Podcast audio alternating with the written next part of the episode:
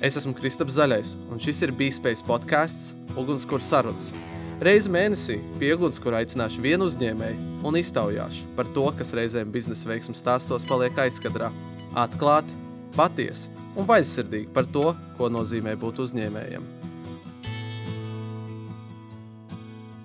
Šodien mums īstenībā podkāstā sagaida viens pārsteigums, jeb pirmā reize. Un, kas tad šī īpašā pirmā reize ir? Mums šodien ir divi runātāji, ar ko man būs prieks parunāt. Burvīgas dāmas, bet kā jau es esmu ieradis darīt, tad es ar mūsu runātājiem neiepazīstinu pats. Bet ļauju runātājiem iepazīstināt mūsu klausītājus. Nu, tad, attiecīgi, kura no jums būs tā drosmīgā, kur iesāks un pastāstīs, kas tad mums šodien ir atnācis ciemos? Labi, es sākšu. Mani sauc Rebeka Liepiņa. Es esmu no Rīgas. Esmu mamma, sieva un kopā ar savu draugu vadu uzņēmumu. Um, kas vēl tāds interesants? Man ļoti garšo saldējums, man ļoti patīk aktīvā atpūta. Ceļošana man sagādā prieku, un es mēdzu jokot, ka es runāju ziedu valodā, jo man ļoti patīk ziedi. Tas tā var būt īsumā. Ja jau laika gaitā atnāks kādi interesanti jautājumi un kaut kas vēl pavērsies. Bet nu, tu jau man sagādāji daudz interesantu jautājumu. Es nespēju beigt pierakstīt. Bet, uh, jā, dodamies pie um, otra. Jā, esmu Līga Rīga.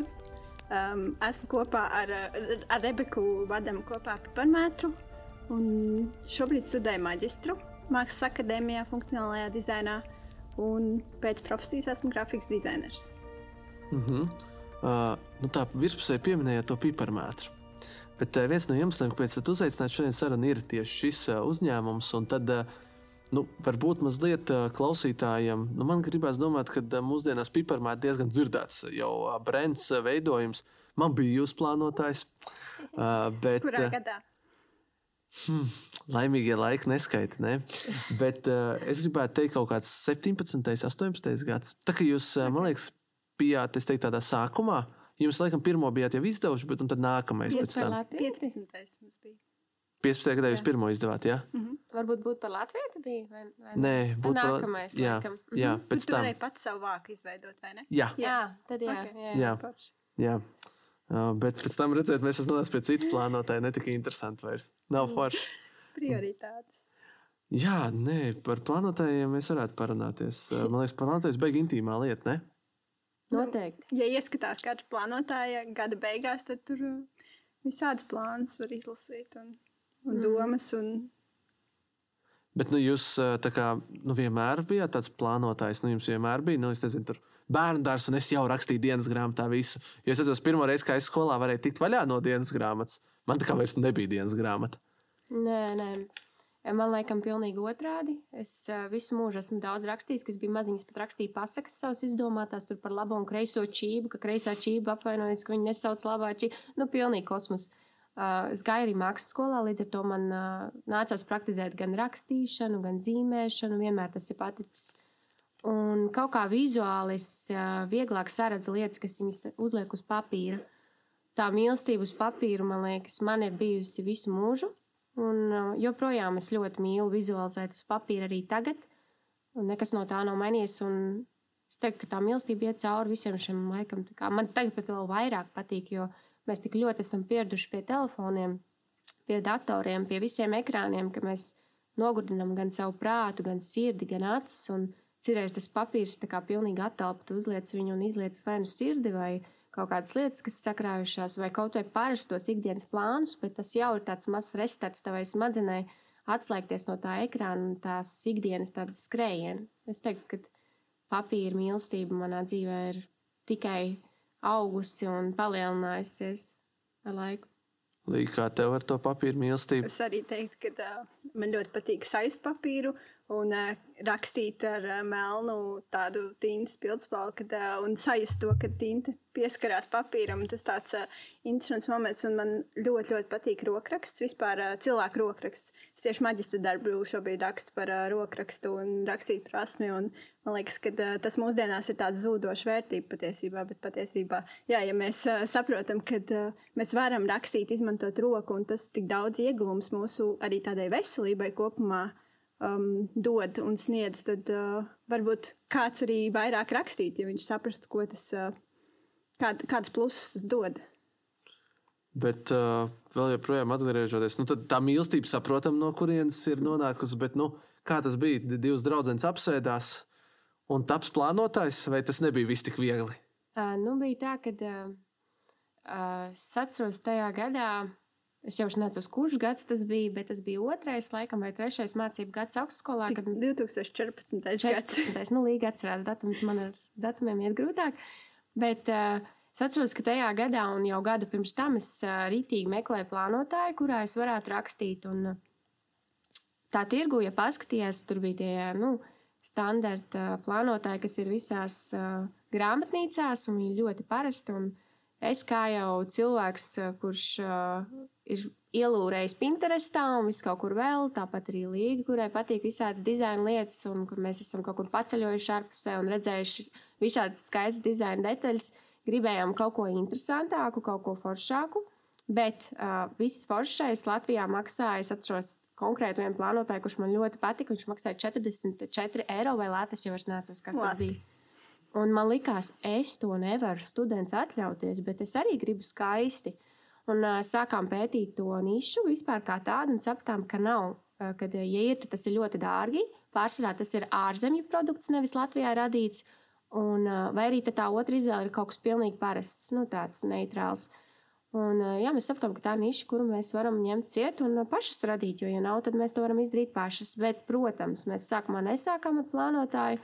Mēs, uh, tikāmies uz to svarīgo tikšanās reizi, kuras līgai prasīja, vai viņa būtu gatava lekt kopā šajā piedzīvojumā, un mēs varētu kopīgi būt forša, stipra komanda, kas rāda, sapņo, realizē. Paldies Dievam, Līga piekrita, un tā nu mēs esam šeit. Mums ir uh, savs uzņēmums, kas ir jau izlolots, izmīlēts. Un, jā, mēs sākām ar kaut kādu mazumiņu, kas bija kartīts, bet beigās nonācām arī līdz tam plānotājiem. Bet uh, kā tas ir? Nu, redzēt to pirmo produkciju citam rokās, veikalā, sajust nu, to, kas ir izlolots, izdomāts galvā, bet tad reāli paturēt rokās, nopirkt.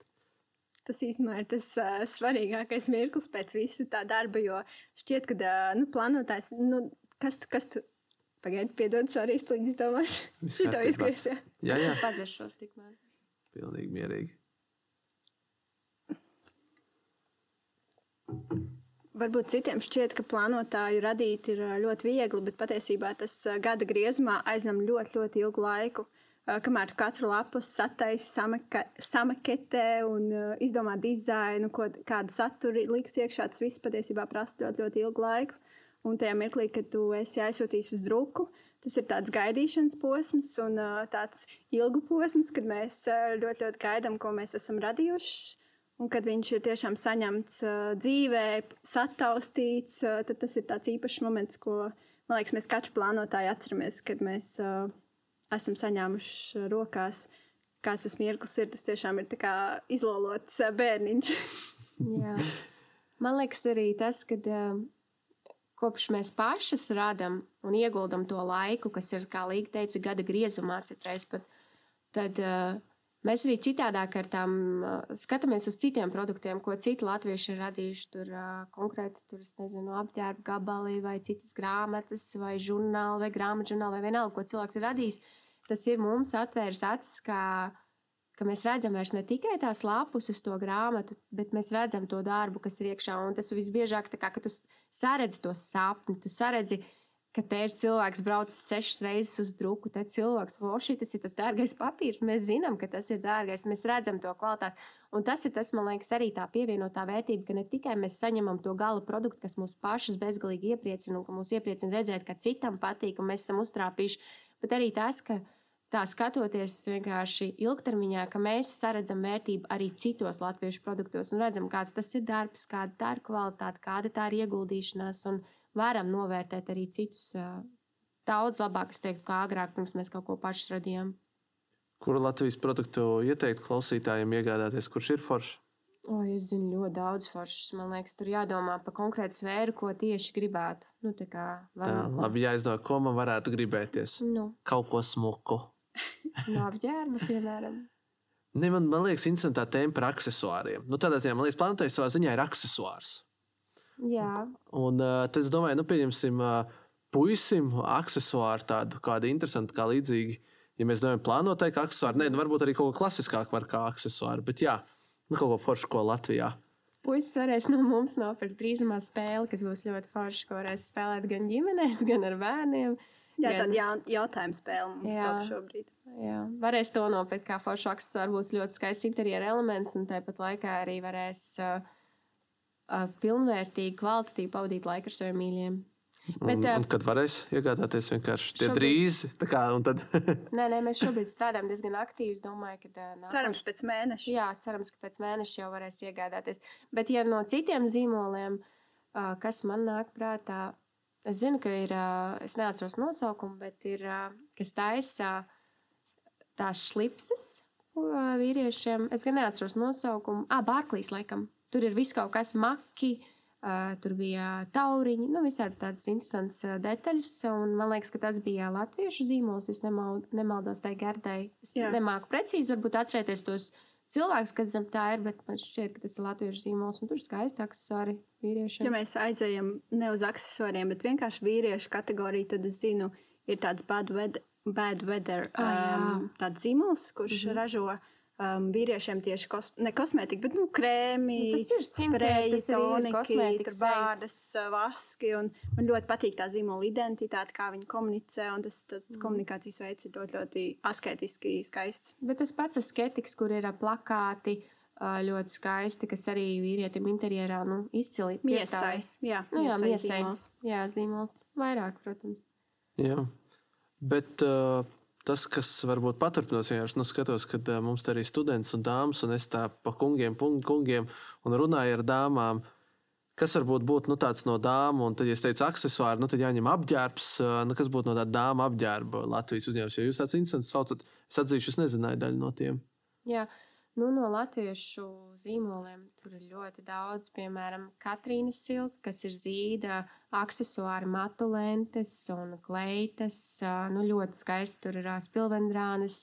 Tas, kad iet sieviete gulēt un negrib, lai gaisma spīd, tas, ko liek uz acīm, nezinu, kāds viņam tas nosaukums, bet tā ir, tas ir tiešām kvalitatīvs zīmols, ļoti skaisti sevi arī pasniedz un pazīstam cilvēku, kas to dara amorāli tāpat sieviešu kleids, ko man liekas, jebkura sieviete zina. Ir tāds maija knit, eh, tā knitwear, kas ir ā, adīti izstrādājumi sievietēm no arī ļoti kvalitatīvas uh, vilnas. Uh, man liekas, sievietēm ir tiešām daudz no kā izvēlēties. Nu, tā, ka tur varētu saukt un saukt, bet šī vienkārši būtu jāpadomā, jāatcerās, kam es tur sekoju, ko, ko Mm, es, kam jā, es sekoju līdzi. Tiešām sieviešu īsti, nu, īstenībā apģērba tieši sieviešu ir super daudz un super kvalitatīvi arī tieši Bet tā, dizaina ziņā. Un, Jā, bet tāpat arī, uh, piemēram, juvelieru izstrādājumi. Tas bija tas ro, kas ir. Jā. Uh, tad ir uh, verba.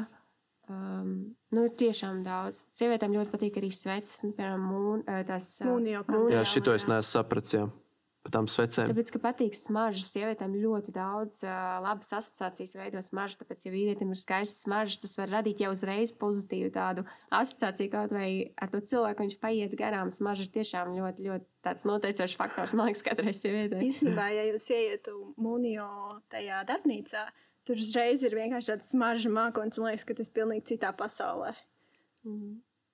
Okay, šis kaut kas, ko es nebūšu novērtējis savā dzīvē. Nu, Smaržas vajadzība. Nu, tā kā tas, ko jūs sakat. Es aizdomājos, vienkārši nu, mums šovakar ir paredzēta saruna pie ugunskura. Praktiski virtuāls ugunskurs mums priekšā. Nu, kā jums uz tādu vispār lecot prom no daudz ā, apģērbiem, ko izskatās, nu, kad uz desmit izturējāt? kā vispār patīk būt pie ugunskura dabā? Kā uz to skatāties? Kā tas varbūt ir iedvesmas avots arī jums? Tieši pie ugunskura. Jā, Mm, es laikam esmu tas cilvēks, kuram nu, nepatīk tur ar teltīm palikt. Es esmu tas, ka man nepatīk sešos no rīta, kad ir tik karsts un tu tur sasvīdis, vai tas naktī lietas līs un tev ir slapjš, tur ir viens zāns. Tas laikam es neesmu tas cilvēks, bet būt dabā ir noteikti viena no manām tādām uh, reizēm, kad es varu atslēgt savu prātu, jo es ļoti, ļoti daudz domāju. Es man citreiz arī grūtības aizmet, jo es ļoti daudz funkcionēju, domāju, pārdomāju gan dienu, gan ko varētu darīt, gan kaut kādus sapņus savus. Man tiešām ļoti daudz domāju. Un tā daba ir tas, kas man ļoti bieži palīdz. Daba un sports ir tas, kas un ceļojumi palīdz man atslēgties no tā, ka es konstanti domāju, es varu iet gar jūru un vienkārši domāt, bāc, cik skaisti Dievs šo ir radījis, vai nu, kaut kādiem ziedu laukiem iet pāri, vai cauri kaut vai rododendru dārzam un vienkārši apbrīnot to, ko Dievs ir radījis. Un tas ir tas, kas, es teiktu, noteikti, protams, man arī iedvesmo, bet uh, vairāk es to esmu sapratusi pēdējo, varbūt divu gadu laikā, ka tas pat citreiz man pat nav tā iedvesma, bet tas, ka vienkārši es varu atslēgt to savu prātu un atpūsties pati no sevis. Un tas man ir tiešām ļoti svarīgi, tāpēc diezgan bieži ar ģimeni mēģinām kaut kur izbraukt un atpūsties pie dabas, pat ja tas varbūt nenozīmē palikt tur teltī, bet nu, vienkārši izstaigāties, būt, elpot. Un, jā, arī kādreiz uzcep desas pie uguns, kur un tā, bet, nu, jā, vairāk tās noteikti būtu tāds pastaigs vai kaut kas aktīvs pie dabas. Līdz kā tev? Man daba, man daba ir būt mierā.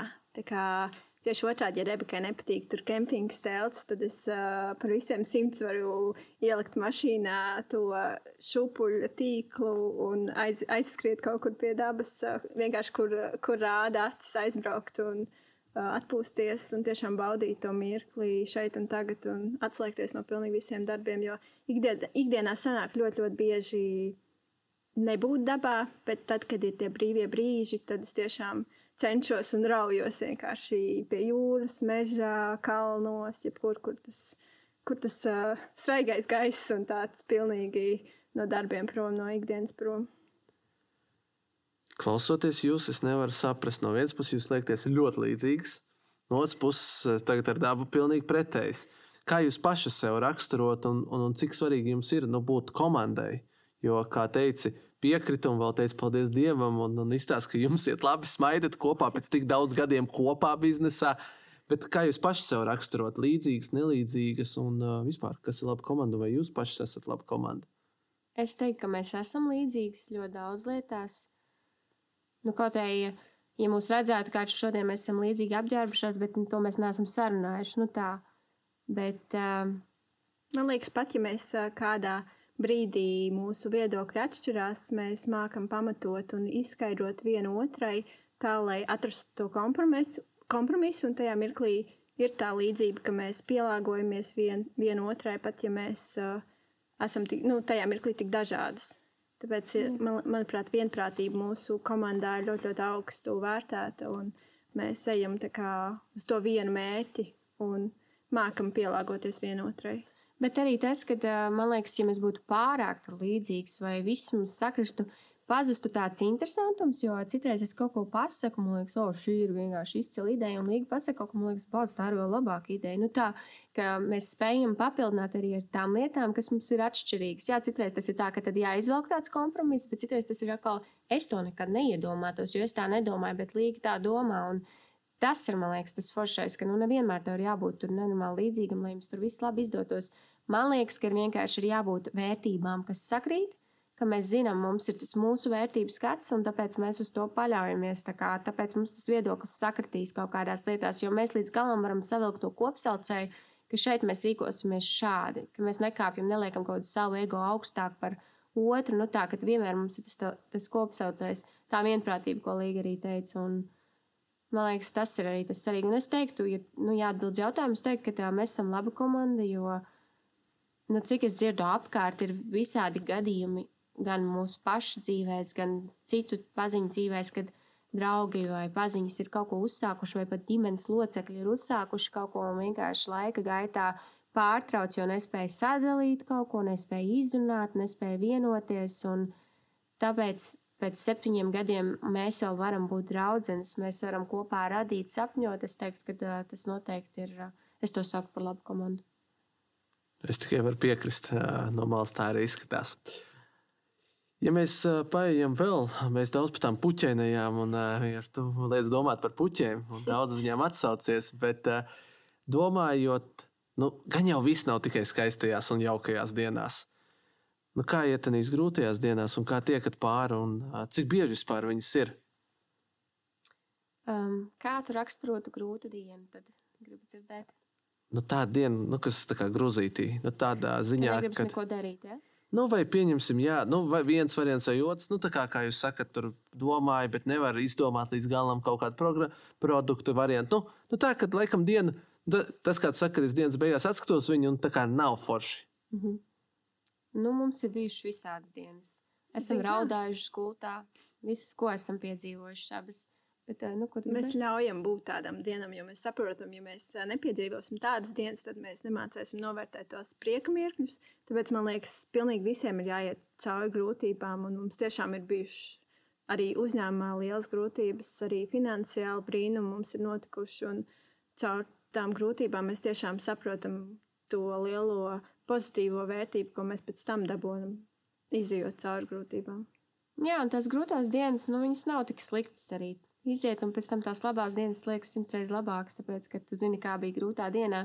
Bet, ja runā vienkārši no tāda praktiskā, nu, ir tā diena, ka tev neko negribas darīt, un vēl tā kā šodien līst lietas, ir vējš augsts, un tev vispār negribas iet ārā no mājas uz darbu. Ir bijušas, atceros, bijušas tāds reizes, ka mēs nopērkam saldējumu, vienkārši abi sēdam un runājam par dzīvi, un paņemam pauzi no darba. Nu, tā, Ir dienas, kad tu vienkārši tu saproti, ka tev ir jādisciplinē sevi, jānoliek pie malas kaut kādas tās savas domas un jāstāsta simts rēķinu, vai cik kas tur jālabo vai jāizdara. Vienkārši svarīgi, es domāju, sajust tādu gan to, kas ir otrs sirdī, kāds ir tas viņa noskaņojums, vai man ir tagad sev jānoliek pie malas un jādisciplinē, vai mēs kopā varam bišķīt, kā Līga teica, vienkārši ļautai dienai būt, lai viņi ir, un tad pēc tam nāks labāks dienas. Vai arī saņemties tiešām un līdz ā, naktī vienkārši izdarīt tos darbus, kas ir, kas ir jādara. Jo Mhm. mums tiešām arī ir bijušas tās, ā, tās naktis, ā, kad mums vienkārši ir jārauj līdz pēdējiem, lai izdarītu kaut ko. Un pēc tam jau ir tā labā garša, ka tu esi to izdarījis, un tas novērtējums jau nāk pēc tam. Plānotais ir sezonāla prece. Jā. Jā, Noteikti. visnotaļ, jā, noteikti. Nu, tagad arī vēl pērk plānotāji. Piemēram, mums ir palikuši pēdējie daži plānotāji uz atlaidēm. Tā kā ja kāds grib, droši iegādāties. Uh, bet, uh, jā, nu, pērk, protams, arī tagad. Bet, protams, tā ir sezonāla preci, jo pārsvarā pārdošana aktīvi sākas decembrī vai pat bija šī ātrāk un noslēdzas kaut kad nu, jau februārī. Tad jums jau tagad ir gatavs nākamais plānotājs. Melnā skīce, Top. jā. To.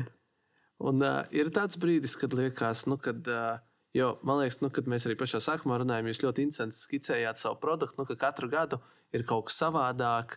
Nu, nav bijis, kad uh, nu, taisam tagad divus gadus pēc kārtas vienādu vai netaisam plānotāju. Nu, cik gru- visp- un, tad, ja es redzu, ka jūs abas nu, tā kā nē, rādat man, un tad es domāju, cik tā ir viegli. Nu, arī septiņus gadus augt katru gadu ar savu produktu. Tas nav viegli un tas nav tipiski daudziem produktiem katru gadu augt. Jā, nu, man liekas, ka pirmkārt tas ir interesants process mums pašām augt un redzēt, kā mēs esam mainījušās. Un, es gribu ticēt, ka ar laiku mēs izkopjam gan savu stilu, gan savu gaumas izjūtu, gan to skatu, un kad mēs varam tiešām, kā tu saki, augt kopā ar to plānotāju. Vai ir viegli? Noteikti nav viegli.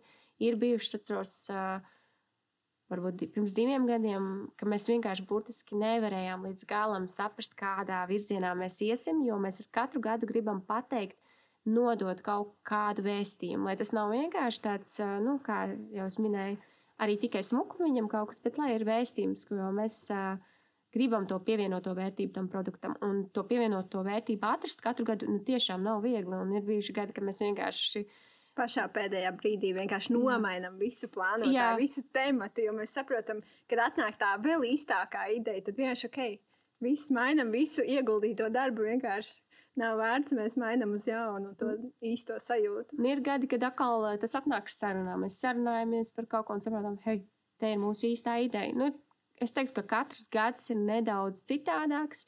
Ir gadi, kad ir vieglāk, ir gadi, kad ir grūtāk, bet, ā, protams, nav viegli katru gadu, jo gribas jau arī to izaugsmu pašām redzēt. un Gribas iet un redzēt gan materiālos, gan kvalitātē, gan ā, nu, visā, jebkurā detaļā. Tāpēc tu pats sev uzliec arī tādus kaut kādus tos standartus, kurus tu gribi kā sekot viņiem līdzi un tiekties pēc tiem kaut kādā ziņā arī paši sev sagādājam tādu darbiņu galvā. Mums īstenībā ir prieks, ka paskatoties uz iepriekšējiem plānotājiem, mēs redzam, kur varēja vēl labāk, kur varēja citādāk. Un tas ir tāds, ka tu nepaliec uz vietas tajā pašā punktā, ka tev liekas, pirmais plānotājs ir ideāls, tur neko nevajadzētu mainīt. Mēs tiešām gribam attīstīties, augt un to pienesumu tajā plānotājā, plānotājā ielikt vēl lielāku. Kas ir bijis tāds no pirmajiem plānotājiem, kur teikt, atskatoties, nu, kāpēc mēs šo darījām? Otrajā plānotājā mums bija uh, tādas caurspīdīgās lapas, un viņas te tehnoloģiski Latvijā nav iespējams ielikt plānotājā. Un, principā, mums tipogrāfijā vienkārši mazi rūtīši strādāja ar, ar rokām. Tas bija roku darbs, katru lapu ielīmēt, uzklāt līmi, ielīmēt lapu, atkal nākamais mēnesis uzklāt līmi, ielīmēt lapu. Un cilvēks no malas to varbūt nenovērtē. Tas mums īstenībā prasīja ļoti liels finanses, klāt papildus plānotāju pašizmaksā. Bet varbūt tas ir tas, kas, uh, ko mēs vairs neturpinājām tālāk darīt, jo mēs sapratām, ka tas vienkārši ir. Nu, jā, pat, ja tas mums sagādāja nenormālu prieku, kad mēs redzam kaut ko dizainu izdomāts, kaut kāds elements, bet cilvēks pirmkārt viņš mēģina. Nu, tas, piemēram, no praktiskuma un funkcionalitātes, tas uh, padara smagāku šo plānotāju. Un cilvēks nu, uzreiz izvērtē, vai man vajag. Viņš tik ļoti neskatās uz to dizaina kvalitāti, kā uz funkcionalitāti un praktiskumu. Un tad mēs atkal no tā mācījāmies, ka jāskatās, lai ir viegls, lai tie materiāli nesagādā papildus kaut kādu nastu tam cilvēkam. Un tas ir tāds. Un noteikti arī par kaut kādiem vāka materiāliem, ko esam ar laiku sapratuši, ka ne, šis galīgi nestrādā. Nu, Likās, ka strādās, bet tam plānotājam ir gadu jāizdzīvo, un šis mēs saprotam, ka nestrādā. Tas ir kaut kāds Noteikti arī es teiktu, kaut kāds dizaina, tieši dizainā stila kaut kādas detaļas, nianses. Pirmajā gadā mums bija tie zīmējumi, atceries pēc tam receptēm. Nu, kaut kāda, ko man liekas, ka tagad, nu, nemūžam mēs neko tādu neieliktu, bet tad mums patika, tad mums likās ir forši un tā. Bet tagad saprotam, nu, ka tas vispār nav. Tās neesam vairs mēs, tie bija, tie bija citi cilvēki. Bet arī par uh, drukas iespējām, kā, kā, kā mēs esam auguši. Jo pirmajā plānotājā es atceros, ka mēs nodrukājām, mēs saprotam, tik daudz vietās nevar normāli izlasīt cilvēku to tekstu, jo ir pārāk uh, kontrast, ne, nekontrastaina tā, tas fons ar tiem burtiem. Un pēc tam mēs, protams, mācījāmies un sapratām, ka tādā un tādā drukā vajag tāds un tāds burts, tādā un tādā drukā vajag tāds un tāds burts, jo to jau mācās tikai no, no savām kļūdām un, Darot, un pieredzes. Jā. Un tāpēc man liekas, ka arī to pašu jā, uzla, nu, uzlabot. Uz, Saka. jā, Nē, jā, tu uzlabo vienkārši ar gadiem to savu produktu, un tas ir svarīgākais. Kāds ir labākais saldējums? Jūs vienkārši runājāt, ka tāda tik paliekam saldējums. Jā, sāļās karamels. Degriljāžas? Nē, sāļās karamels. Sāļās karamels. Agrāk bija tāda nomnum kafē uz Starbets ielas, un tur bija pasaulē garšīgākais sāļās karamels saldējums. Viņi paši taisīs vietas, un tad mēs vienmēr gājām. Jā pirkām tās bumbiņas, un citreiz gājām tur strādāt. Tā bija pirmā vieta, tāda, kur mēs jums nebija nekāda savu vietu, un mēs tur gājām uz vietas kafejnē, pirkām saldējumu un strādājām. Kaut kā tas saldējums ļoti iemīļojies.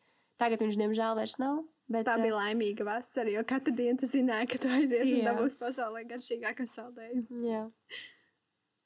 Šo vienkārši atkal saskaņojāt, ja? Nē, Nē. jokojos. Skaits ar saldējumu tiks galā, tad uh, teicāt, nav savu vieta. Tad uh, tagad jums ir sava vieta, vai vispār uzņēmējiem vajag savu vietu? Varbūt kaut kādā ziņā jūsu radošā profesija paredz to, ka tā vieta, līdzīgi kā produkts, ir jāmaina. Ziniet, kā ja, ja ir liela darbnīcas aizmugurējā daļa, kur ir produkti, nu, stāv produkti, produktu noliktā, tad uh, bez savas vietas īsti nevar. Nu, kā, tad mums ir tā tā māja vai dzīvoklis mūsu, kur mēs turam, bet tas, tas galīgi nav forši. Tāpēc ir jāatdala tā vide, kur ir darbs, kur ir tavi produkti. Un tāpēc tā vide ir ļoti, ļoti svarīga, lai tev ir tā darba vide, kur, kur tu vari nolikt tavā turētos produktus. Bet šis ir tik foršs jautājums. Mums īstenībā neviens nav uzdevis vēl pirms tam, ir bijušas dažādas intervijas kaut kādas, un nav uzdevis, vai laika gaitā būtu jāmaina tā, nu, kas tas man tagad liktā padomāt, ka īstenībā Mums tieši tā arī ir sanācis, ka laika gaitā tā vieta ir ļoti mainījusies, ar laiku pielāgojusies tiem mūsu apstākļiem, kādā situācijā mēs esam, esam jo, piemēram, gan Covid mūs ietekmēja, ļoti ietekmēja. Mums bija ļoti skaista sava vieta uz. Kalpaka bulvārī. Uz Kalpaka Tieši bulvāri. pretī Mākslas akadēmijai. Jā, tāds savs, savu vietu ar smukiem, tur lieliem plauktiem, visa siena pilna plakāta. Nu, tiešām ļoti skaisti izlolot, izdomāt līdz sīkumam. Un, Covid laikā mēs šo vietu vispār nevaram atļauties. Nevarējām. Un mēs tieši aiztaisījāmies ciet februārī. Un sanāk, tad kādu laiku vienkārši visas mantas bija pie līgas mājās. Nu, viņai bija mājās noliktava. Jo man ir bērns, kurš šīs mantas visas droši vien izvezāt pa visu māju. Tad tā situācija bija tāda, ka vajadzēja pielāgoties. Tagad atkal mēs esam ar citiem kopā, jo atkal nevarēja paredzēt, kāds šis Covid laiks būs. Mēs esam kopā tagad ar Neleģems un uh, Grieta kleitām, tā kā tāda kopēja studija, un tad mums ir sava vietiņa, kur mēs varam aiziet pastrādāt, kas nav kafejnīca, bet mēs tur varam tajā, kā mēs sakam, savā aliņā ielīst, padarboties, bet ir arī vieta, kur izlikt preces, un cilvēks var apskatīt šo vietu. Tā kā Jā, man liekas, ir svarīgi, ka klientam patīk vispār aptaustīt, apskatīt, mm. apčamdīt. Tāpēc ir forši, ka uh, cilvēks var atnākt pie tevis un uh, uz vietas paskatīties. Un, ja, protams, mums ir arī internetu veikals, kur tu vari pasūtīt, bet uh, mūsdienās bieži vien cilvēkam tiešām ir tas tačī, tačī sajūta, ka tu gribi mm. paskatīties uz vietas. Bet, jā, arī domājot par nākotni, vienkārši tas jautājums tā lika padomāt, rītīgi paši, kad uh, es ticu, ka ar laiku arī mēs uh, augsim kaut kur tālāk. Varbūt vispār kādu gadu mēs būsim tikai internetu veikals un būs noliktava. Man liekas, tas ir jā, ka, tas, uh, ka tā vieta pielāgosies tam mūsu veidam, kā mēs gribam darboties, kā mēs redzam to nākotni. Forši. Man vienkārši lika aizdomāties par tie tačī, tačī. Es esmu no tiem, nu, kuram var iet, un man liekas, es vienkārši taustu produktus. Nu, kā es pat viņš nepirkšu, bet es pataustu. Jūs tādas pašas, tā, jā. tieši tāpat visu, visu veikalu vienkārši izčamdīt. Ne, Skaidrs, es jau tādu sapratu, es esmu tačī, tačī, es sapratu. Man mazliet uh, vēl likās ļoti interesants stāsts par rokrakstiem. Nu, ko pētīt, skatīties, nu, kas kaut kādā ziņā, protams, saskana ar plānotāju jūsu produktu, bet es ar tā nebiju aizdomājies par rokrakstu. Un tad kāds ir uzņēmēja rokraksts? ātrs.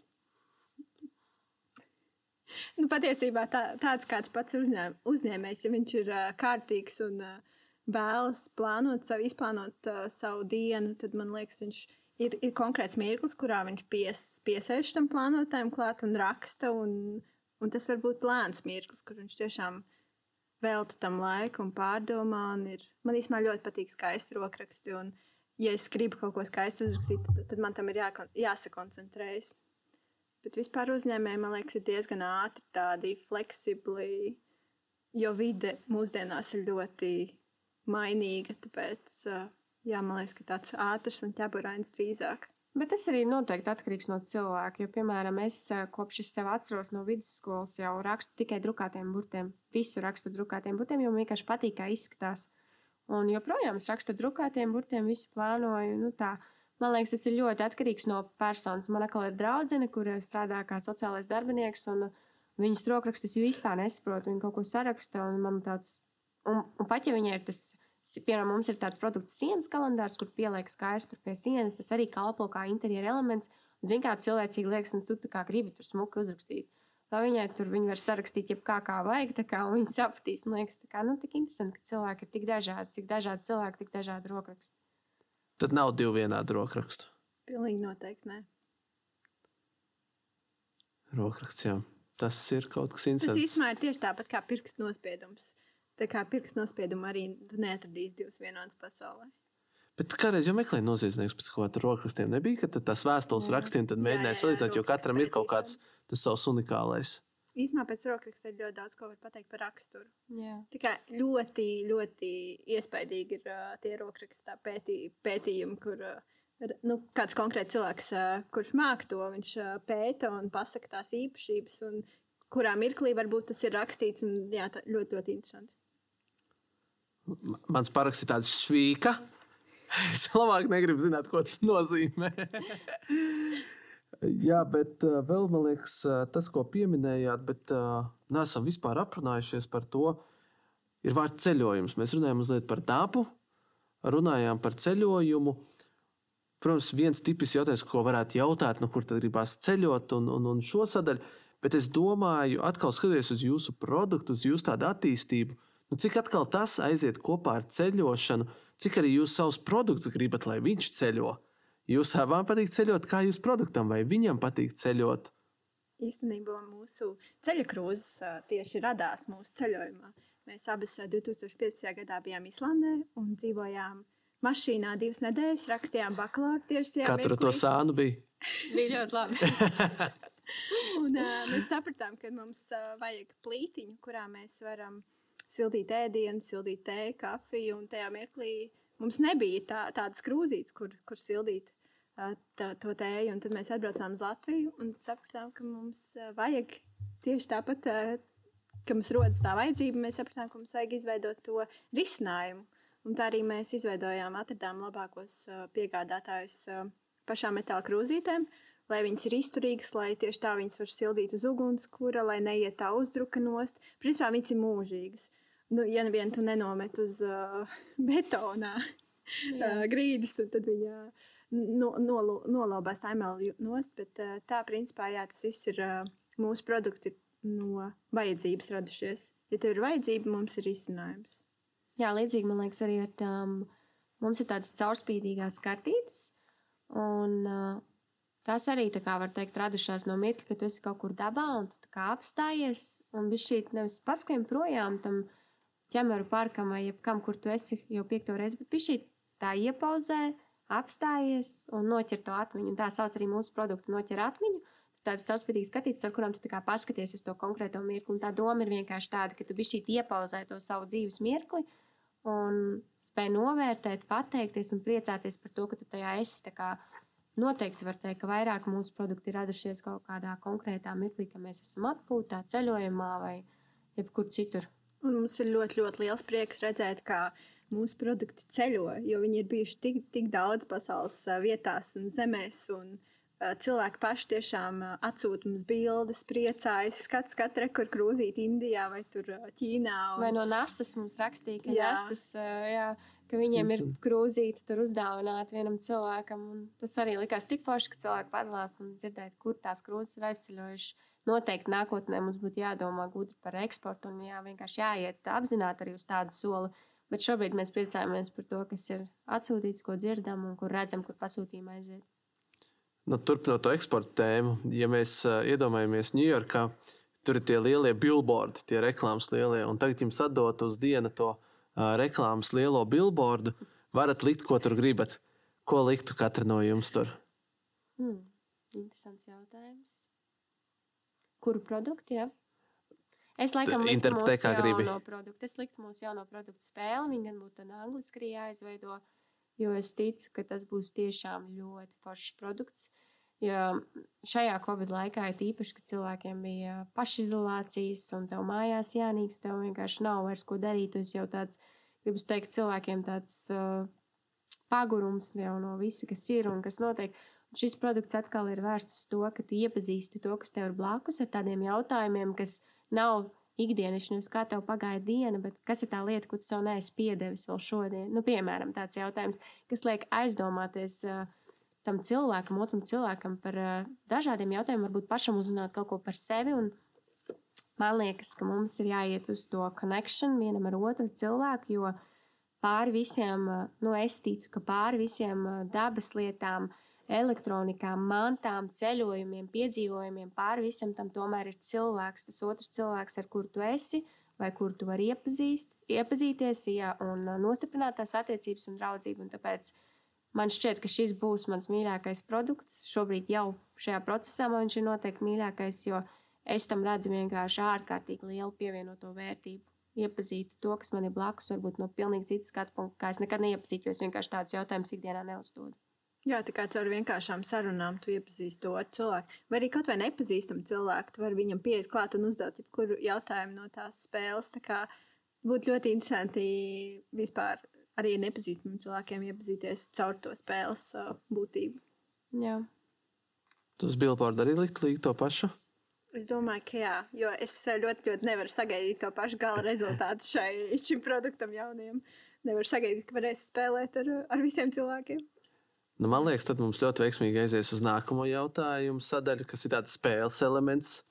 Attiecīgi, tas būs pirmais līmenis, būs tāds, ka jūs vienu otrai jautājumu uzdosiet. Un, attiecīgi, jebko, kā redzējāt, jautājumu, ja dažādi mēs būtu paši stāstījāt vienu otrai. Attiecīgi, jautājumu, atbildi, un tad iesim uz otro līmeni šai spēlē. Labi. Okay? Jā, padomā, tad jautājums. Šis ir ļoti grūti, jo mēs tikko esam izgājuši kopā cauri varbūt nezinu, 300 jautājumiem. Tāpēc izdomāt vēl kaut ko jaunu būtu diezgan. Nē, nu varat arī labāko, no, kas jums likās no tiem 300. Nu, te atkal nav pareizi vai nepareizi. Mm -hmm. Labi, es padomāšu, nedaudz cik padomāt. Bet tādas, uh, tu domā tādas dziļas jautājumas vai? Varbūt tu gribi mums uzdot kāds jautājums. nē, nē, nē. Tas dziļums tādā ziņā tur pilnīgi mierīgi. Tas var būt arī tikpat viegls, cik mīļākais saldējums. Jā. Un tikpat labi, kas cits. Jo jūs kaut kādā ziņā vienu otru nu, tā kā izcili labi pazīstat. Mm. Tāpēc es teicu, tas var būt jautājums, ko neesat uzdevuši. Nu, kas nu, tā kā ļoti grūti, Mhm. bet tikpat labi. Tas var būt jautājums, uz kuru tu zini, ka draudzenei forši atbildi. Nu, tā, tā kā. Ah, mhm. Nu, labi, es um, pajautāšu. Varbūt kas ir, kāda ir tava priecīgākā šī gada atmiņa? Gads ir īss vēl salīdzinoši, bet kas ir bijis šī, šajā gadā pati priecīgākā atmiņa tev? To es vienkārši arī nezinu, tāpēc es arī prāts gribētu zināt. Man liekas, um, janvāris, 15. janvāris. Esmu Austrijā, uz kalna. Pirmo reizi novoju Alpos. Tas bija man tāds liels, liels sapnis jau vairākus gadus, jo es esmu snovojis Latvijā, bet ne ar, ko to nevar salīdzināt mm -hmm. lielajos kalnos. Un, jā, apkārt bija mīļi cilvēki. Bija ļoti, ļoti liels ā, putenis, tā ka es vispār neko neredzu. Un pēc tam ir tāds skats, ka tu brauc, brauc, snovo, pēkšņi apstājies, un tu redzi pilnīgi visu skatu priekšā.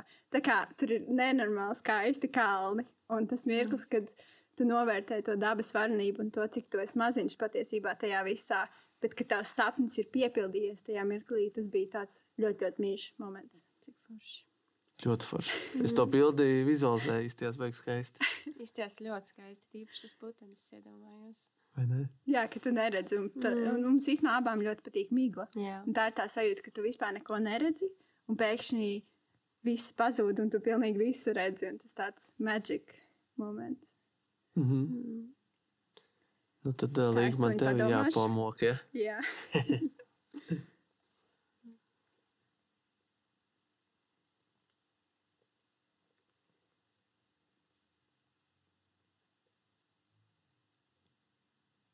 varbūt līdzīgs jautājums, bet nedaudz citādāks. Um, kurš ir bijis tavs uh, mīļākais mirklis ar uh, mazo nātanu uh, dēliņu? Šajā, ne šajā gadā, bet vispār savā dzīves uh, laikā šajos. Ārpēc tas ir tik gados? grūts jautājums ar savu bērnu mīļākais mirklis. Tas ir tiešām, man liekas, ļoti grūts jautājums. Tāpēc, ka tā kā, tu tik ļoti mīli to cilvēciņu, ka tev katrs tas mirklis ir tik mīļš un īpašs. Un nav pat svarīgi, vai tā ir viņa dzimšanas diena, vai mēs kaut kur kaut ko svinam, vai, vai ir kāda svētka, vai es viņos aizvedu uz kaut kur pirmo reizi, vai tā. Bet uh, tas vispār nav tik svarīgi. Tā kā tu vienkārši tik ļoti mīli, ka tev jebkurš tas mirklis ikdienā ir tik īpašs. Tāpēc es laikam es teiktu, ka nav viens mīļākais mirklis. Man katrs mirklis ar viņu ikdienā ir mīļākais. Cik forši. Vieniem pulkam bija Jā. tas uh, citāts par mīļākajiem brīžiem, līdzīgi kā tu to teici. Labi, pirmo līmeni izturējāt. Tā bija godīgi grūtākais. nu, tas nav tā kā parasti ir tā kā iet pa līmeņiem, un tu paliek grūtāk. Šeit, man liekas, būs pretēji. Tā kā O, paliks vieglāk. Jā, attiecīgi, nu, tagad, lai būtu tā godīga spēle, jūs mocīsiet mani. Nu, Labi. un jūs teicāt, nu, to nepa, nu, nepazīstam cilvēku. Mēs neesam beiguši pazīstami no šīs sarunas. Tad, uh, attiecīgi, jūs varat uzdot katru savu jautājumu. Jūs varat vienu vienoties, varat Mhm. mm -hmm. no spēles, varat ne no spēles. Bet uh, jūsu jautājums man, attiecīgi, jūs varat mani pamocīt. Nu, lai būtu vismaz bijis atdots atpakaļ tas parāds. Okay. Mm, Mēs varētu uzdot, nu, vai es nezinu, kā mēs izdomāsim. Bet man, piemēram, interesē labākais padoms, kādu tu esi dzirdējis, vadot šos podkāstus, ko tu varētu pateikt, ko tu esi paņēmis sev, vai tu varētu ieteikt kādam citam, vai kas mums būtu vērtīgi, ņemot vērā, ka mēs esam uzņēmumā. Ļoti labs jautājums. Padomi. Nu, man ir pāris, kas man ļoti patīk. Tas gan ir ļoti dažādiem uzņēmējiem. Man ir viens, nu, kas man ļoti, ļoti patīk, ko runāja vienā no pirmajiem podkāstiem par to, kas ir tāds anglisks, savā ziņā tāds. Varētu parunāt arī par ētisku, bet man viņš tieši tāpēc laikam patīk, ka ir tāds fake until you make it. Un man viņš ļoti patīk par to, ka uh, mēs daudzi, un es nezinu, arī kā jums tas ir bijis, nu, ka mēs domājam, ka mēs būsim gatavi. Nu, kad uh, mēs esam gatavi, un tad mēs būsim tur, nezinu, uzņēmējs vai vēl kaut kas, bet kaut kādā ziņā mēs to fejkojam savu sākumā, until we make it. Es nezinu, kā jums tas bija, nu, kā, vai jūs arī pirmo dienu, nu, un vismaz tā neizklausās, nu, tā, cik mēs esam runājušies, nu, ka mēs bijām plānotāji tur vai uzņēmēji. Bet mēs tā kā fejkojām sev, nu, kaut kādā ziņā, jo nebijām gatavi. Bet tad ir tas viens brīdis, kad mums tas ir. Un, uh, man liekas, tas tāds uh, superspēcīgs uh, apgalvojums, kas uh, pēc tam man reflektē, jo tā ir daudz dzīvē pašam bijis. Mm, forši.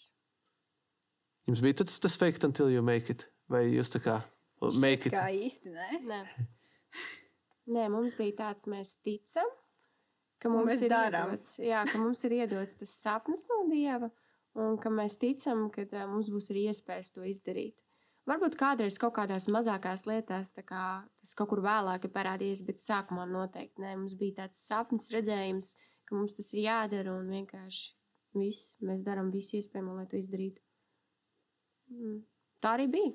Tā arī sanāca. Super. Rezultāts ļoti, ļoti labs. Varbūt mēs varam uzdot nākamo jautājumu no Līgas puses. Man radās ideja, ja tu zini, kāda ir mūsu mīļākā saldējuma garša, ko mēs varētu ēst. Kas tad ir tavs? Kādas tu trīs bumbiņas izvēlētos saldējuma veikalā? Jā, nu, griljāži. Es tāpēc prasīju, jo man liekas, griljāži tā kā the one. Okay. Griljāži ir nu, tas, kas ir. Tad es esmu rītīgs mazs, nu, kā šokolāde. Tā kā Jā. nevar būt slikta šokolāde, bet es zinu vienu vietu, kur ir slikts šokolādes saldējums.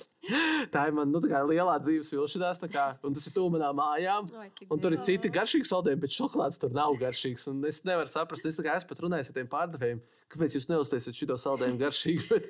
Bet viņi tā kā nepiekrīt man. Un uh, tad varbūt tāds pēdējā laika vienkārši, kas man ir bijusi garš, kas man rezonējusi. Tā varbūt nebija daudz garšīgas, bija rabarberu saldējums. Man uh, ļoti, ļoti patika. Uh, es esmu garšojis alus saldējumu. Kā alus. Es nedzeru alu ikdienā. Es vispār tā kā ieraudzīju alus saldējumus, man liekas, jāpagaršo. Garšoji? Laika. Es nezinu, kā garšo. Nu, parastais alus, jo es tiešām alu nedzeru. Jā. Bet, uh, nu, kā, vai es otrais ņemšu, ticamāk, nē, bet te vienai reizē, nu, man liekas, tas ir tā incidents garš pasaulē līst, uh, nu, kāda viņi ir. Jā. Jā. Un tāds saldējums, es tā kā otru nevaru atcerēties tādu garšu. Interesanti. Jā, Nē, esmu mēģinājis ne rabarberu, ne alus. Maza reklāma, Siguldas saldējums ir abi. Vienkārši nu, pēc tam takām, vai tu Jā. hamokā, vai tu pastaigā, tad Siguldas saldējums Ok. uh, noteikti. noteikti. Nākamreiz pamēģināsim. Uh, nu, un tad uh, saistībā ar to mēs aiziesim uz to trešo līmeni, nu, tāds grūto, un tad tā spēle beidzās mums. Bet jautājumi vēl būs, tikai spēles elements beidzās. Uh, Jautājums, uh, mēs uh, mēģinam uh, noslēgt derības uh, šajā podkāstā par kaut ko. Mhm. Un, bet, attiecīgi, nu, tas derību impulss un tas, par ko mēs darām, nu, parasti nāk no tiem runātājiem. Es varu palīdzēt, varu pastāstīt, ko mēs esam citreiz derējuši. Mhm. Nu, tādu kontekstu, lai iedot.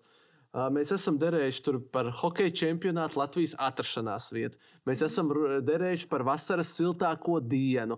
Mēs esam derējuši par peldēšanās reizēm vasarā. Mhm. Un Tā kā mums ir ļoti daudz un dažādi derību bijuši. Es jūs gan varu brīdināt, es vēl vienā derībā neesmu zaudējis no podkāsta. Tā kā, jā, bet uh, mēs varam tiešām, it's up to you. Es, nu, ja gribat, varam kaut ko kopā arī papļāpāt par šo tēmu. Nu, tādā ziņā, kas varētu būt, arī varat pašas paspriest. Pagaid, mums ir jādara st- starp mums un. Nē, mums jāizdomā, es saprotu. Ar... Jā, nu, jūs varat vienoties par kaut ko vienu lietu, kas Jā. pa, nu, tā kā, okay. Ok, mēs gribam jā. sadarīt, pieņemsim, vai nākamā gada plānotais būs zaļš. Nu, nebūtu godīgi, jo jūs zinat, Jā, Tēmu. Jā, bet kaut ko godīgāku. Mhm. Un tad tā kā, jūs varēsiet izvēlēties pirmās, nu, tā kā, ko jūs atbildētu, un es ņemšu to otru ah, Jā. Nu, ko un uzvarēšu. Nu, redzēs, redzēs. hmm. Vai mēs izlaidīsim nākamā mēneša laikā spēli? Tad mums labi jāpacenšas. Jā. Bet tad arī nebūs godīgi. Nē, mēs to varam bišķīt Jā. Jā, nu, es piekrītu visticamāk, bet es arī piekrītu tam, ka, nu, nav baigi jā, jā, jā nav, nav. Varbūt. Cik jums bija tie skatījumi podkāstam? Sapratu, uz ko iet, nu, vidēji tie ir simts. Jā, varbūt mēs varētu sadarīt, ka mēs šis podkāsts sērija saņems piemēram 120 skatījumus. Ok, Kā jūs, liekas? Ļoti labi. 150. 150? Labi, 150. tā mēs vairs viņu nereklamēsim.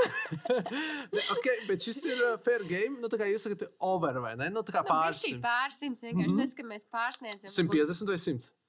Es domāju, mēs varētu sadarīt, ka pārsniedz to jūs ierasto simts. Vienalga, Jā. vai tie ir Jā, lai 102, iet. 150, 190, vienalga. Mhm. Jā, šis ir labs. Un es apsolu, nu, tā kā neietekmēt reklamēšanas daudzumu. Tādā Nu, tu mums ziņā. palīdzēs, cerams. Tā kā tur visiem droši vien darīja, ja? Podkāstiem. Jā, Kaut kā pareklamēji. protams, protams.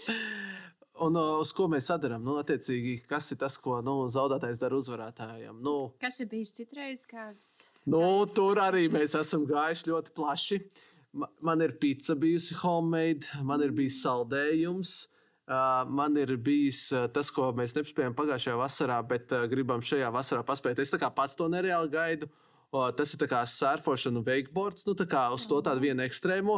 Jo tas sākumā gribēja dabūt no kāda ka- kalna dēli lejā. Es tā kā paldies. Līdz ar to nu, tur ir dažādas tās amplitūdas. uh, Mums ļoti patīk ā, s- vispār sērf- sē- sērfošana, veikošana, snaušana. Tā kā īstenībā mēs varētu varbūt uz to.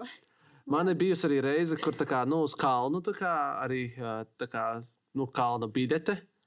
Latvijā tā kā jā, varam iet uz to ceļu. Man, man tas ceļš iet veiksmīgi pagaidām. Nu, jā, tad droši vien kaut kāda. Mums patīk aktīvas lietas. Jā. Tad ko mēs sakam?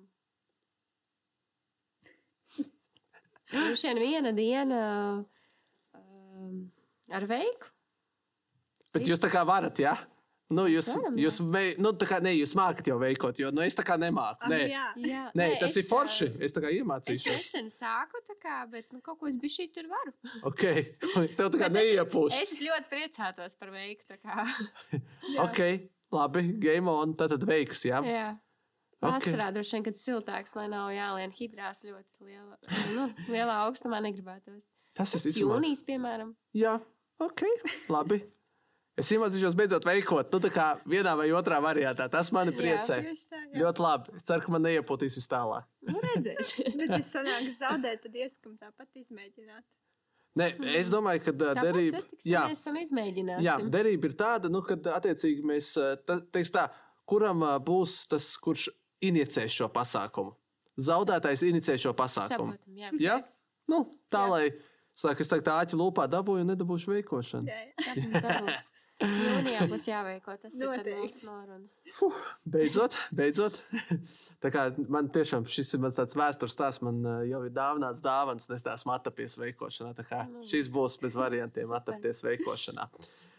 Ja vēl uh, var, uh, var bišķi uz to nopietno stāstu atpakaļ aiziet, man likās viena super interesants stāsts, Rebeka, ko teici par dizainu un funkcionalitāti. Mhm. Nu, es varētu vispār atsevišķu podkāstu par dizainu un funkcionalitāti un produktiem, jo nu, tas ir stāstīts un stāstīts.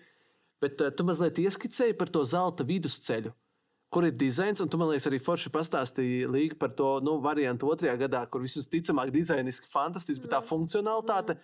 Nu, cik vispār ir viegli, kā atrast to starp dizainu un funkcionalitāti? Man liekas, gadiem ejot, mēs esam atraduši tādu zelta vidusceļu vispār tam mūsu redzējumam, mūsu produktos.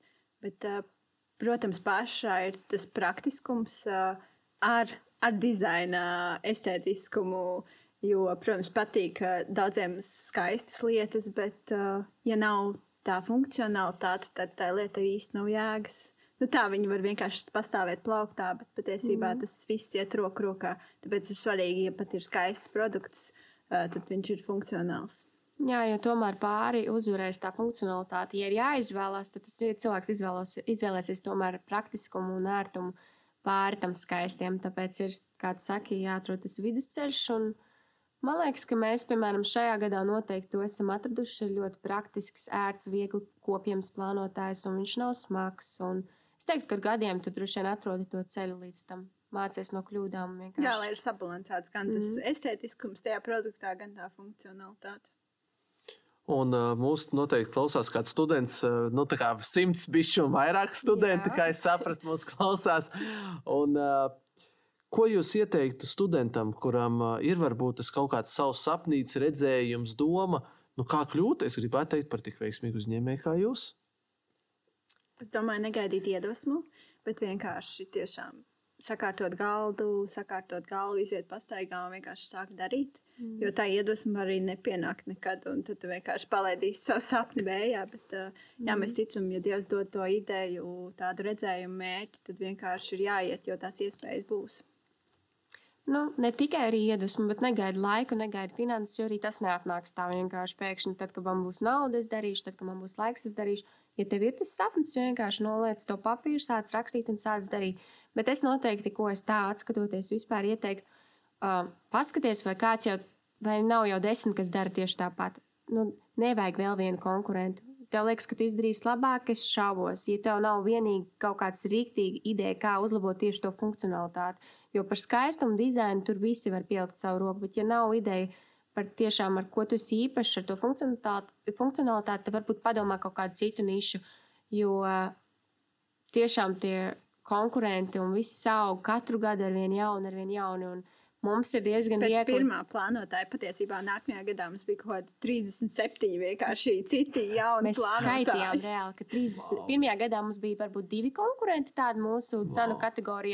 Un nākamajā gadā bija 37. Mums jau bija viegli, ja mums ir tā mūsu auditorija mm -hmm. un tie cilvēki. Bet tam jaunajam, kas atnāk, viņam atkal ir grūti, un vai to vajag? Nē, nu, protams, ja viņš redz un saskata kā vajadzību, protams, dari.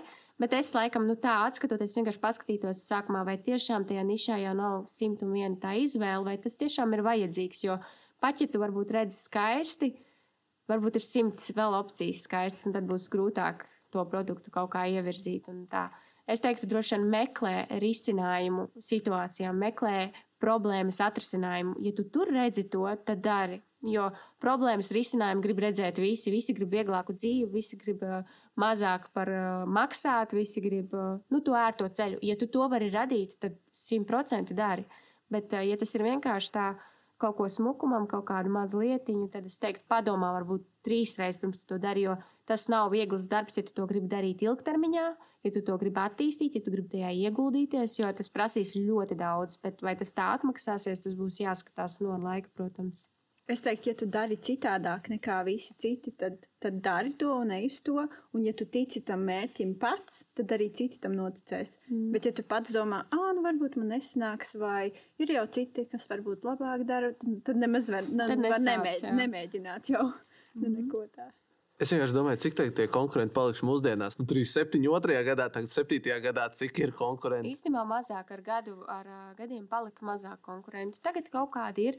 Uh, es nesaku, ka konkurenti ir slikti. Mēs saprotam, ka konkurenti ir laba lieta priekš mums pašām, jo tas mūs virza uz attīstību, mūs virza pacensties, nenolaist to kvalitāti, turēties pie saviem standartiem, kāpt augšā, kāpt tālāk, darīt vairāk. Un mēs nekad, nekad neesam gribējuši, ka mūsu produktu nopērk, taļ, ka nav cits izvēles. Tas bija tas, ko mēs piedzīvo- piedzīvojām tajā pirmajā gadā, ka nav izvēles, tāpēc ir jāpērk tas. Ja cilvēkam patīk cits produkts vairāk, tas man tikai iepriecina, ka viņš dabū to, ko viņš grib. Tā kā par to neiet runa. Bet tas, ka jā, konkurenti ar laiku patiesībā šajā gadā mums. Es pat nezinu, ar laiku mēs jau viņus pat vairs neskaitām, un tā vairs nedzirdam. Zin, Jā, kā mēs, otrajā gadā, varbūt, zin, kā, mēs viņus neskaitām kā konkurentus, jo mēs uh, darām pilnīgi citādāk nekā viņi. Nu, tā kā, jo principā tajā nākamajā gadā bija mūsu produkta kopijas. Jā, ļoti, pirmā ļoti gada daudz. kopijas. Un mēs daudz. saprotam, ka mēs jau gribam augt, un mēs mūsu to iepriekšējo Mēs nu, jau- gada plānotāju vispār neskaitām kā, nu, kā tādu augstsvērtīgu produktu. Tāpēc jā, tas, ka mēs augam, varbūt arī atšķir uh, mūs no citiem tiem konkurentiem, jo mēs uh, ner neradam tieši to pašu. Mm. Ja jūs varētu uz vakariņām, pusdienām uzaicināt jebkuru personu, ko jūs uzaicinātu? Hmm. Dzīves, eh, nedzīves, eh, iedomu, neiedomu. Nu, atkal nav pareizi, nepareizi atbildžu. Jā. Uz vakariņām tieši. Var arī pusdienas. Es kā Jā. teicu, vakariņas sākumā, bet pusdienas arī. Labi. Droši vien man atbild liksies ļoti interesanti, bet es esmu kristiete. Es, uh, es gribētu satikt Jēzu. Es ticu, ka viņš ir mans glābējs, mans dzīves kungs, un es būtu ļoti laimīga, ja es varētu atspērtāts ar viņu parunāt. Mm -hmm. Vismaz interesanti, jo tieši tādā man, manā galvā tā, tā bija mana pirmā atbilde, ko es teiktu. Tieši tāpat, tā kā, jā, Tad šī tā saskanīga atbilde atkal. jā atkal. Nu, mēs abi esam kristieši, un līdz ar to mums tā vērt, tās vērtības sistēma, kā jau iepriekš stāstīja, ka mums viņa ir tik svarīga, un tāpēc arī vieglāk nonākt pie kaut kādiem Ir ļoti kopsavilkumiem. daudz jautājumu, ko mēs gribētu pajautāt. Jā, bet tas noteikti tā būtu vislabākā dzīves pieredze. Noteikti. Mm -hmm. Uz nobeigumu mēs jautājam pāris tipiskos jautājumus, ko mēs jautājam visiem, bet neizmaksiet arī jūs. Līdz ar to, kas būtu tas, kā jūs gribētu, lai jūs atcerās, nu, vai ar ko jūs atcerās kā uzņēmējs, ja mēs skatāmies, nu, piemēram, tādā nākotnes griezumā. Un jūs varat, nu, ja gribat, es varu jums pateikt, tur gadus, nu, piemēram, 10, 20 gadus, bet vienkārši, nu, kā jums, kā uzņēmējiem, kas ir tas, ko jūs gribētu nākotnē paveikt, laikam tā būtu precīzāk paveikt, vai tad lai kā atcerās? Nu, man gribās cerēt, ka paveikt to atcerēsies, nu, ka mm -hmm. tu mhm. paveiktu ko tādu, ko atcerās. Mm -hmm. Nu, man laikam es redzu bišķi citādāk šo jautājumu, ja tā var teikt. Izcil. Es laikam gribētu teikt, ka nākamo desmit gadu laikā es, protams, gribētu izaugt līdz eksportam, es gribētu izaugt līdz jauniem produktiem, bet lai par mani atcerās, ka mums bija daudz foršu produktu un tā, laikam tas man nav svarīgi. Es gribētu, lai atcerās pirmkārt to, ka produkts nāk ar vēstījumu, ka tur vienmēr ir iekšā vēstījums, ko mēs gribam pateikt, nodot, ka tas nav vienkārši produkts. Un otrkārt, ja vien viņam kādreiz dzīvē bijis saskarsme ar mums abām, ka viņi atcerās mūsu laipnību, ka viņi atcerās to, ka mēs viņus ar prieku apkalpojām, ka mēs varējām ieteikt labas lietas, ka mēs varējām varbūt pārunāt, nu, ka tas iet tālāk par vienkārši iedot, nodot, pārdot produktu. Protams, ikdienā mums nevienmēr tas sanāk. Mēs arī ļoti bieži vienkārši atdodam produktu un skrienam strādāt. Tā man to viegli teikt. Bet, ja tu tā prasi, ko es gribētu, lai atcerās par mums, tas būtu tas, ko es gribētu. Mm -hmm. Super. Es pievienotu vēl šim ar veltīto laiku un tām sarunām, varbūt, uh, kas rodas uh, ar klientiem. Mm. Nu, un tad uh, pavisam uh, noslēdzošais jautājums. Uh, nu, tāds uh, salīdzinoši viegls, bet uh, nu, novēlējums tam jaunajam uzņēmējam viena lieta, viena tāda pēcgarša, īsākais vēstījums, ko gribat. Ja viņš tikai sākuma un beigas, tad šito viņš dzirdēs. Mm -hmm. To ir padomāšu. Pilnīgi mierīgi.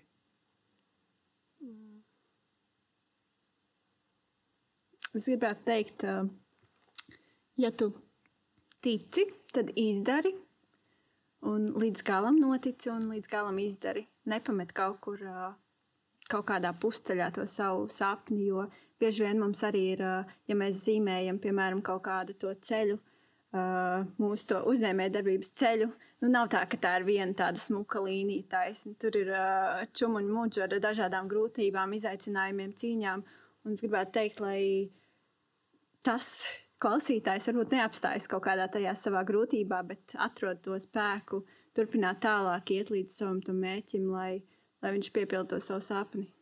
Izcili. Jā, es laikam arī par to, ka nepadodies, jo nu, tās grūtības nāks un būs arī daudz neinteresanti darbi. Tad, kad domā par savu uzņēmumu, liekas, so, es darīšu tikai to un to, es pats noteikšu savu laiku, es pats darīšu, pats visu izdomāšu. Bet tad, kad tu pats dari, tad tev pašam arī jādara visi tie neinteresantie darbi. Tev jādara arī daudz izaicinošu darbu, kā Līga jau teica. Nu, tas, ka nepadoties pie tā, apstāties un atrast prieku arī tajās ikdienišķajās lietās. Jo, kā jau mēs arī iepriekš runājām, dienas ne visas ir vieglas un grūtas, bet atrod prieku. Tas ir varbūt tā saldējuma buļģa vai cilvēks, kas tev ir blakus, bet mācīties atrast prieku visās tajās dienās, atrast par ko pateikties. Jā. Nu, ko, uh, es sapratu, ka uh, būs jāpaņem tie pēdējie plānotāji, kas noliktavā palikuši. Uh, tādā ziņā, nu, ied, ietirgojāt to ideju, man es savu parasto visu nobālēju. Uh, bet kopumā es gribētu teikt jums lielu, lielu paldies par ļoti foršu un interesantu sarunu. Paldies, tev arī. Paldies ļoti jau. Es priecē. Tad jau uz drīz tikšanos. Šis ir Rīgas Reņģa Universitātes biznesa inkubātora Bīspējas un studentu mēdīs skaļāk veidots podkāsts. Bīspējas ir radīts ar mērķi atbalstīt un veicināt inovāciju, līderības un uzņēmējdarbības iespējas RSU studējošiem. Podkāstu vadīju es, Kristaps Zaļais, klausīšanai sagatavoju Andris Strautiņa, Ričards Vasiljevs, Krišjāns Bite un Diāna Surgunte. Klausies mūsu studentu mēdījā skaļāk un populārākajās podkāstu vietnēs - Spotify, Apple podkāsts, Google podkāsts un citur. Interesē uzņēmējdarbība vai tas, par ko mēs šeit runājām? Droši seko mums Facebook kontā Bīspējas vai arī studentu mēdījā skaļāk.